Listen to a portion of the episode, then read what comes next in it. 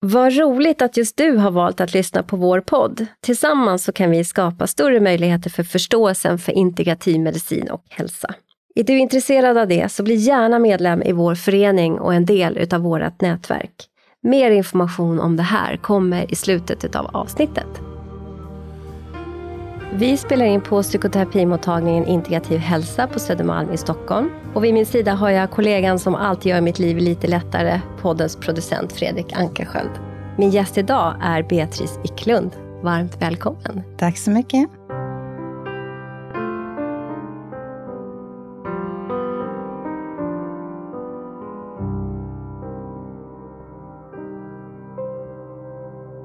Jag vill börja det här poddavsnittet med en berättelse. Året är 2007 och jag själv kliver in på hälsokostbutiken i form på Värmdö. Ett år innan hade jag fött mitt andra barn och var på grund av hans eksem, hans svåra eksem och sömnproblem på grund av dem och mina egna mag-tarmproblem i ett ganska risigt skick. Jag hade sökt olika läkare i olika omgångar, men ingen hade riktigt kunnat hjälpa oss och inte i alla fall mig. Mina tarmproblem var i och för sig ingen någon nyhet, för de hade jag lidit av sedan sju års ålder. Utredd många gånger, men ingen hade kunnat hitta något fel. Sista läkaren hade sagt att jag eventuellt hade en lite för lång tarm, men att hon nog trodde att det främst satt problemen i mitt eget huvud. Jag kliver in på uniform och går runt, kikar lite efter just det jag hade tänkt köpa den här gången och hör en äldre kvinna prata med ägaren till butiken. Hon säger, jag vill tacka er så otroligt mycket för att ni rekommenderade näringsterapeuten. Det har förändrat mitt liv helt. Jag är idag piggare än min 30-åriga dotter. Jag som funderade på hur kort mitt liv kanske skulle bli om jag inte snart förstod vad som var fel på mig, funderade inte många minuter innan jag gick fram och frågade om jag inte också kunde få kontaktuppgifter till den där näringsterapeuten. Den näringsterapeuten var du, Beatrice, och i kontakt med dig så vände min ohälsa och jag började min resa mot hälsa. Och jag tror faktiskt att du räddade mitt liv. Så innan vi fortsätter så vill jag ändå presentera dig, Beatrice.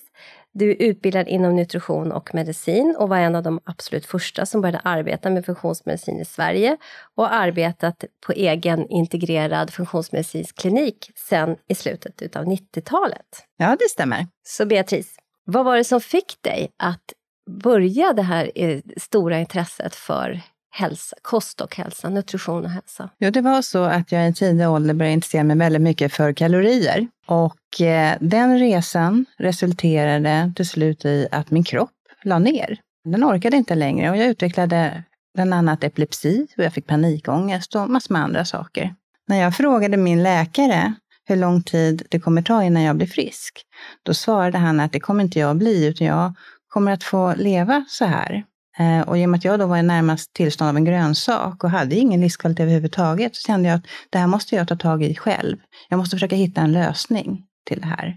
För jag hade inga planer alls på att fortsätta leva ett liv där jag inte hade någon som helst livskvalitet eller inte kunde göra normala saker som att studera, arbeta och så vidare. Mm. Så jag var fullt inställd på att hitta en lösning. Wow. Du var motiverad till att hitta din egen, din egen lösning på det här. Absolut. Hur, hur gjorde du då? Eh, det var ingen snabb och enkel resa, men jag har alltid tyckt om att studera mycket. I vårt hem så fanns det bland annat böcker om zonterapi och medicin. Och de lusläste jag. Så jag försökte själv på egen hand förstå vad det var som orsakade mina problem och hur man skulle komma till rätta med dem. Sen så hjälpte det naturligtvis också att inte bara dricka en och en halv liter Cola Light varje dag och kaffe. Och kanske frossa till lite grann med ett äpple. Så att jag förstod ju snabbt att näring är en viktig del för min återhämtning och mitt tillfrisknande. Så där, vad började du med för ut... Alltså du, du, du började med att läsa dig till för att förstå ditt eget utgångsläge? Ja, tills att jag var så pass bra mm. så att jag faktiskt klarade av att studera. För min kognitiva förmåga var så otroligt nedsatt under den här tiden. Delvis då för att den inte fick någon näring. Sen så på grund av mediciner mot epilepsi. Men också på grund av att jag hade fått diagnosen tungmetallförgiftning.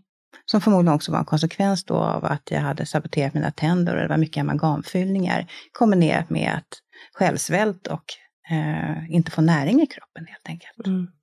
Kommer du ihåg liksom hur du själv, om du hade så att säga, en, en, ett laddat förhållande till kalorier, till mat. Kommer du ihåg den vändningen när du började istället bli intresserad av vad du skulle stoppa i dig?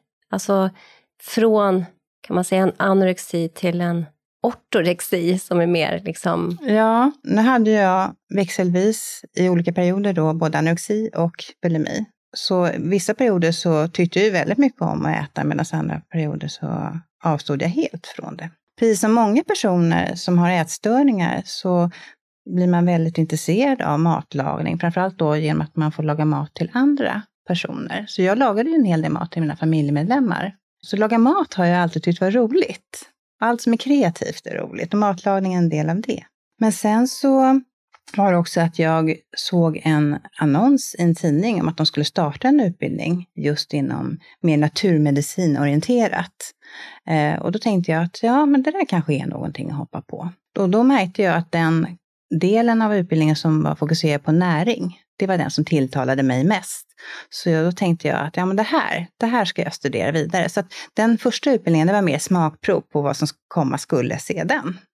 Och det var min stora passion för kost och näring och livsstil och medicin helt enkelt. Och kommer du ihåg när du liksom började känna av, det, när du började känna att ja, men det här funkar för din egen del?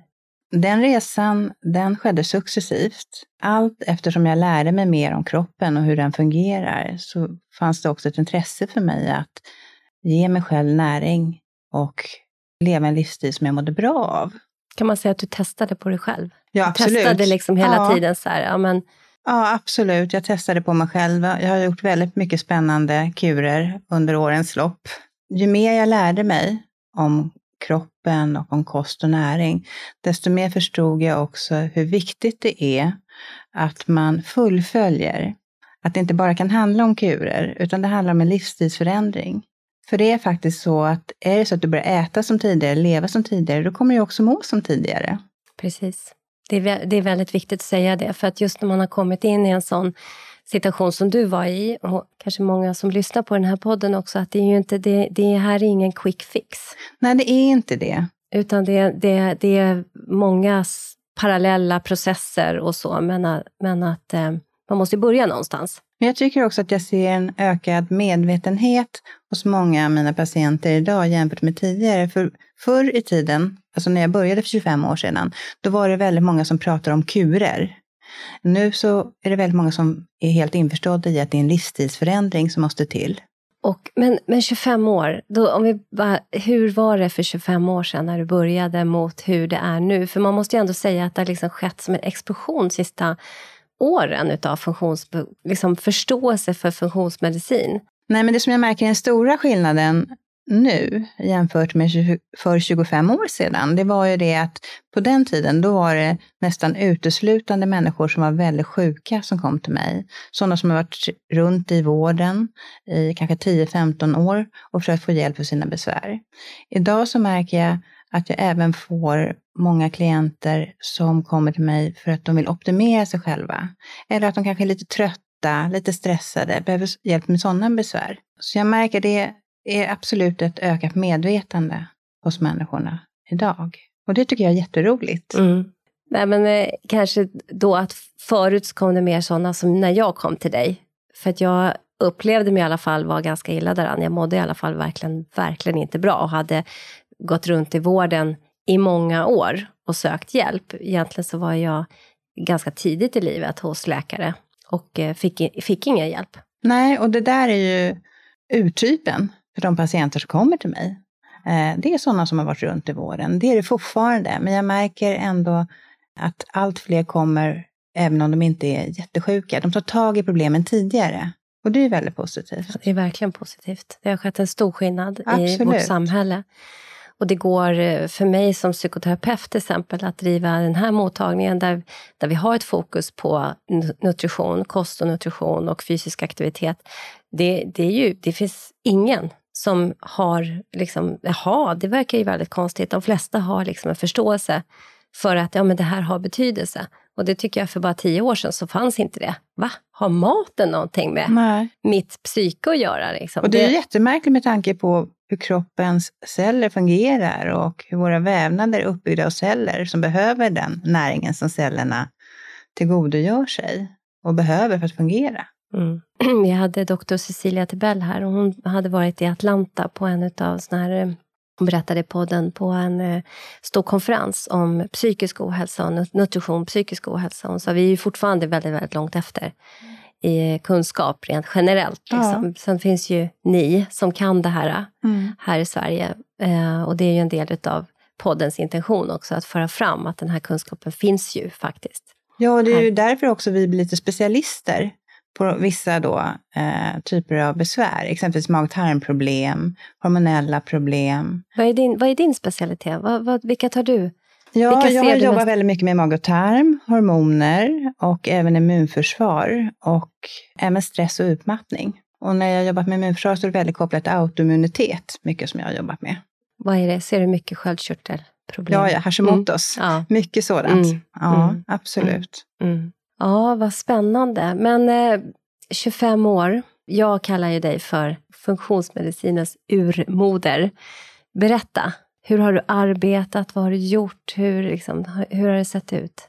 Du menar hur man jobbar med funktionsmedicin? Eller? Ja, mm. kan börja där. Ja, när man kommer till mig första gången, då gör man en omfattande hälsoutvärdering eh, som består av bland annat frågeformulär om hälsa, om genetiska faktorer, livsstilsfaktorer och så vidare. Och dessutom så gör man även eh, funktionsmedicinska laboratorietester och vanliga labbtester som man kombinerar.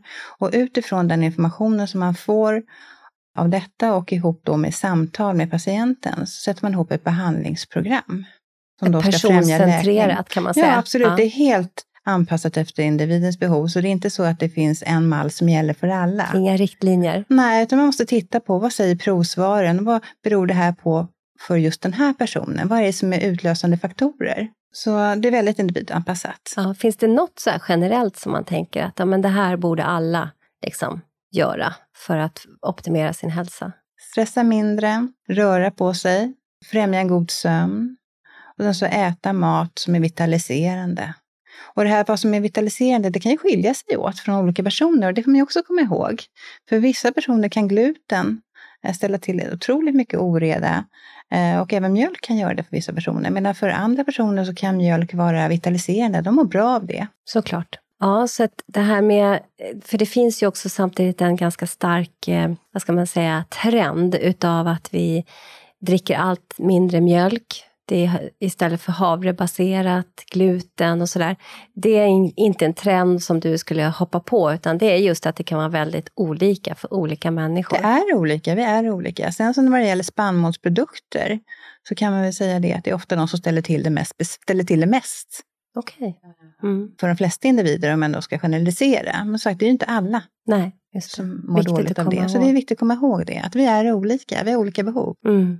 Mm. Så berätta, när du möter en patient så, får du så är det, det är anamnes, det är frågor, det är laboratorietester det är, och sen så skräddarsyr du en behandling. Ja. Eh, som, hur långa brukar de här vara? Hur, hur ser det ut? Liksom? Det är lite olika beroende på vad personen söker för. Men första gången då träffas vi och går igenom och pratar om eh, personens behov och hur den vill ha det. För det är viktigt att betona att det här är en dialog. Det är inte så att jag sitter som en överkucku och sen så talar om för personer hur den ska leva sitt liv, utan det här sker ju i form av en dialog. Och sen så när vi har fått hem provsvaren, för det brukar ta ungefär fyra till sex veckor innan man har fått dem, då tittar jag vidare och så sammankör jag det med vad personen har sagt innan och den hälsoutvärderingen som den har fyllt i. Och sen så lägger vi upp en behandlingsplan utifrån det. Och det är ju då med kost, kosttillskott, fysisk aktivitet, sömn,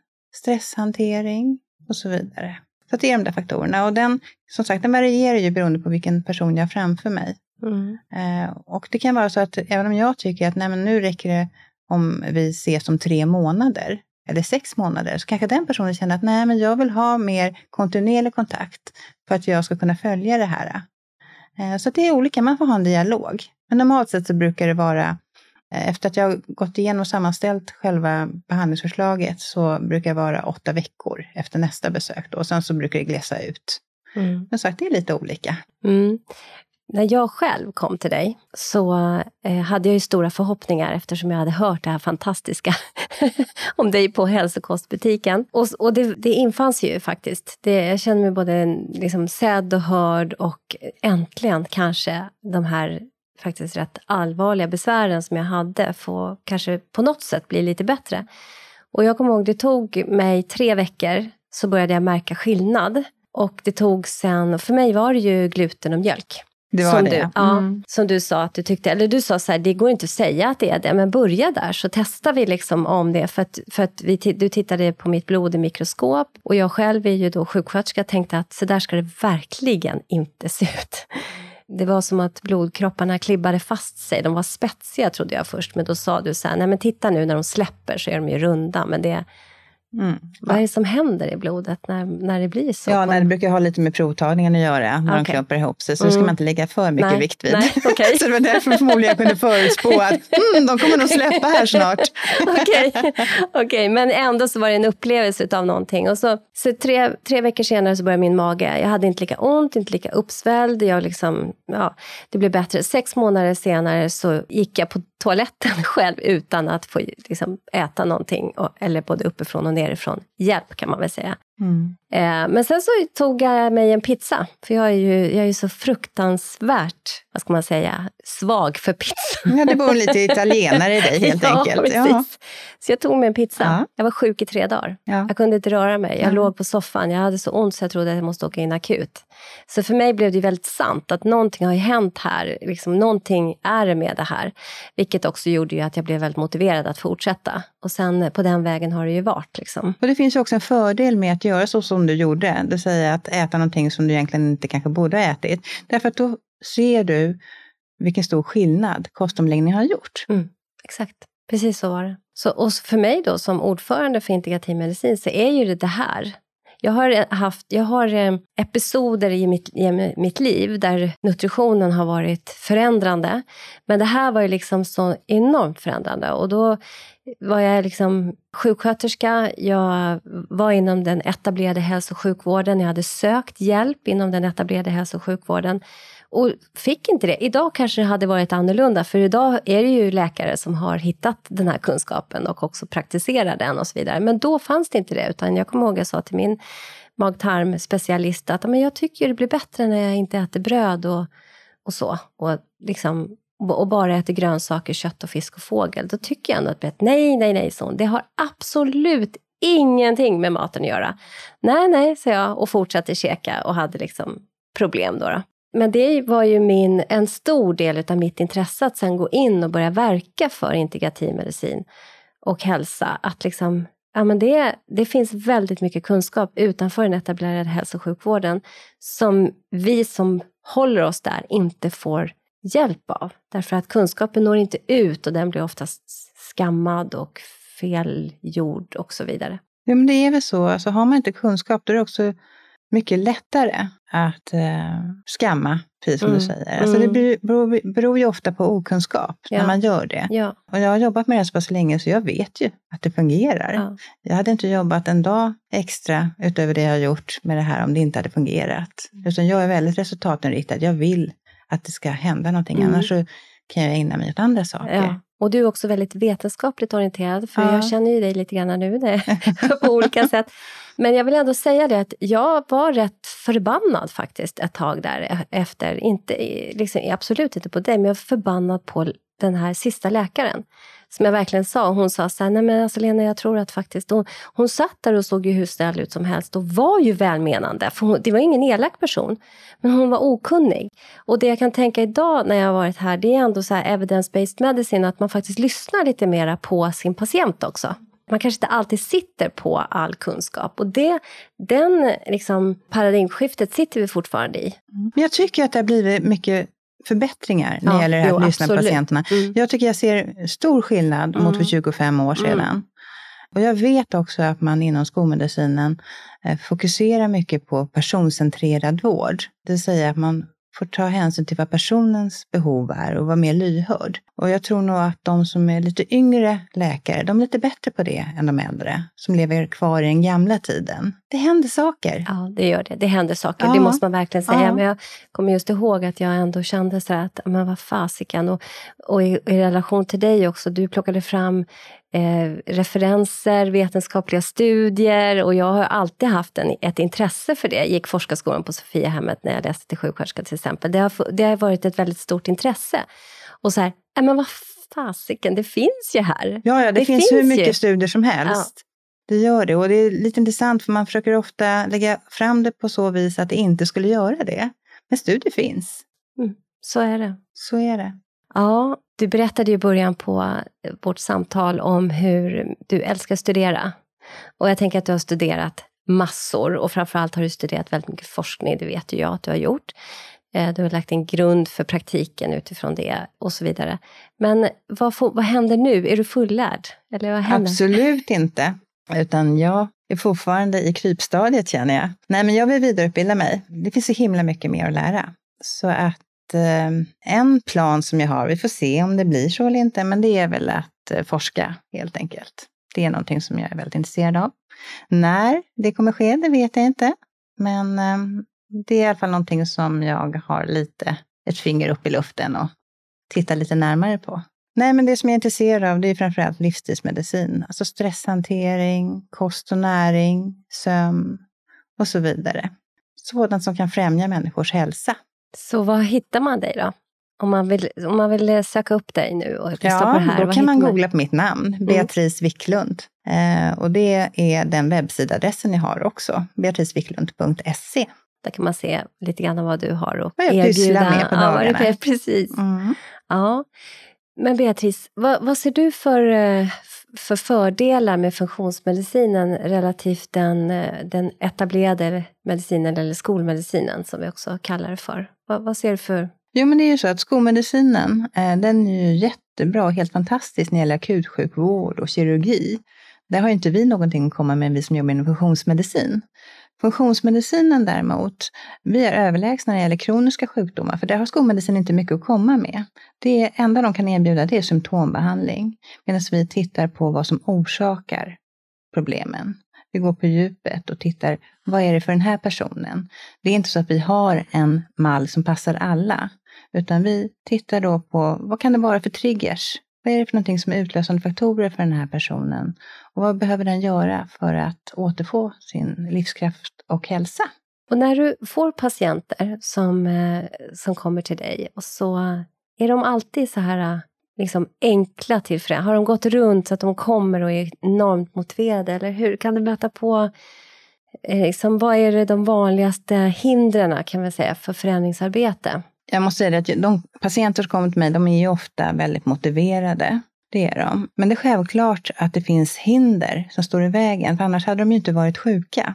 Oftast kan det handla om att de inte är medvetna om vad det är som orsakar sina besvär. Det är det vanligaste, det är därför de kommer till mig. Men sen så kan det också vara så att de har vissa motstånd när det gäller att lägga om kosten eller att stressa ner. De kanske jobbar mycket och tycker om att jobba mycket, egna företagare, företagsledare och så vidare. Det kan också vara sådana som är helt ointresserade av att röra på sig. Och när de inte riktigt kan, de behöver ofta ha någon som kan hjälpa dem och se vad, vad är det som vi behöver göra för förändringar här för att du ska må bra. Sen är det också så när det gäller kosten, det är ju väldigt emotionellt laddat många gånger, framförallt då det här med kostomläggningar och att kanske ta bort vissa livsmedel. Och ofta är det ju så att det som man är överkänslig mot, det drogar man på. Så är det så att man drogar lite på socker, ja, då är det inte så himla kul att ha någon som talar om för en att man måste dra ner på socker. Är det så att man är överkänslig mot vete eller gluten, då är det inte så kul heller att sluta med pasta, bröd och så vidare. Sen så en annan faktor, det är det här att många tycker att det är besvärligt när de ska äta ute eller när de ska resa. Sen kan det också vara andra faktorer som vad familjen tycker eller vad vänner tycker. Det finns ett visst grupptryck där som kan vara svårt att ta sig förbi. Ja, jag kan relatera till nästan allting som du säger. För att nu var ju det här många år sedan, det var 2007 som vi träffades. Då fanns det ju väldigt lite alternativ i butikerna ja. faktiskt. Jag kommer ihåg jag och min man, vi, vi tänkte så här, men vi checkar upp allting vi har i kylskåpet så köper vi bara nytt. det som du hade rekommenderat. Liksom. Och då, det var inte mycket. Idag finns det ju, är det inga problem överhuvudtaget. Idag kan man hitta jätte då, liksom, då kanske det fanns mindre bra alternativ, om man säger så. Eh, men idag finns det ju högkvalitativa produkter att köpa. Ja, det finns hur mycket som helst idag. Så att det, idag så är det ingen ursäkt faktiskt att det är svårtillgängligt. För idag finns det, och även när man går och äter på restaurang, så är det inga problem att säga att man vill ha glutenfritt. Nej, medvetenheten är ju helt annorlunda. Ja. Men sen det här med, med också, men det handlar ju om, om förståelse och kunskap. För att det, ja, vi mötte ju det i våra familjer och i vänner. Jaha, vadå? Ska ni inte äta gluten? Ja. Alltså, kan man vara känslig mot gluten? Alltså, Ja. Då visste man ju, celiaki fanns ju på den tiden också naturligtvis. Men, men det, det, är liksom, det är någonting med det här med den sociala konstruktionen av förståelse för Ja. någonting som nu har brutit igenom. Ja. Så, så vad tror du, funktionsmedicinen in i hälso och sjukvårds, den vanliga etablerade hälso och sjukvården, tror du det är möjligt? Jo, men absolut. Idag så ser vi ju att allt fler läkare har börjat intressera sig för funktionsmedicin. Eh, även här i Sverige. I USA så är det ju på ganska stor frammarsch. Men även i Sverige börjar vi se att det kommer. De flesta är fortfarande utanför det etablerade Ja, det hälso och sjukvårdssystemet. Och det här blir lite problem för då måste man ju betala för det privat och det är inte alla som har den möjligheten ekonomiskt. Precis. Så det är ju vinsten med att det kom in i det etablerade hälso och sjukvårdssystemet. Absolut, och det är mycket billigare också eh, i längden att förebygga problem än att lösa dem när de väl har uppstått. Hälsoekonomiskt finns det hur mycket som helst att tjäna Absolut. på det. Verkligen. Man kan ju fortfarande stöta på att det är de som har liksom ett frågetecken kring att man, jag till exempel säger att ja, men jag, jag är känslig för gluten och jag är känslig för mjölk. Nu är det väldigt få som brukar ha det mot förr när det var typ alla Ja. som ställde sig frågande. Det är ju som att, att liksom ta bort en helig ko på något sätt. Det, där är vi inte idag längre. Men ser du någonting av de här eh, svårigheterna i dina behandlingar? Kommer patienterna berätta om det för, för dig? Jo, men de berättar ganska mycket om det här. Framförallt hur kanske det blir svårt att ändra kosten eftersom deras man eller fru inte är inne på samma spår. Eller hur jobbigt det är när man går till svärmor och hon har bakat kakor och så vidare. Men jag brukar säga till dem att det är ju faktiskt inte de som ska leva med din kropp. Det är ju du som ska göra det. Så är det. Man måste utgå från sig själv och sen så kan det ju faktiskt som en bonus bli så att andra också blir lite intresserade. Ja, men, eh, hon eller han har återtagit sin hälsa, för det syns ju på människor som gör de här livsstilsförändringarna. Ja. Den här kvinnan som jag började hela det här samtalet med, som sa att hon var piggare än sin 30-åriga dotter. Alltså Ja. det syntes ju på henne. Hon var ju skitfräsch. Ja. Liksom. Så är det ju i regel. Att det, man, man ser det och det är ju också någonting som är positivt, för vi kanske också vill vara snygga länge. ja, jag tänkte ju säga det. Se bara på oss. Ja, precis. I alla fall dig. Ja, okej. Men om vi börjar närma oss vårt slut. Är det någonting, Beatrice, som du skulle vilja berätta om eller ta upp innan vi avslutar? Ja, i sådana fall skulle jag vilja avsluta med att säga att det går att vända kraftig ohälsa till hälsa. Men det krävs motivation och engagemang. Och tid. Absolut. Att Man måste vilja. Ja. Man måste engagera sig på så vis att man lär sig om vilken mat man kan äta respektive inte äta eh, för att må bra. Hur man tillagar maten.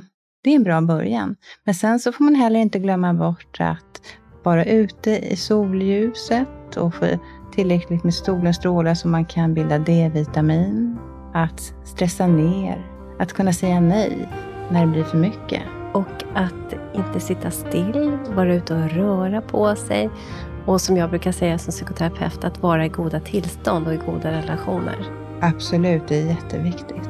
Ja, Beatrice Wicklund, stort tack för att du kom hit och gav oss av din tid och ville gästa vår podd idag. Tack snälla för att jag fick komma hit. Tack.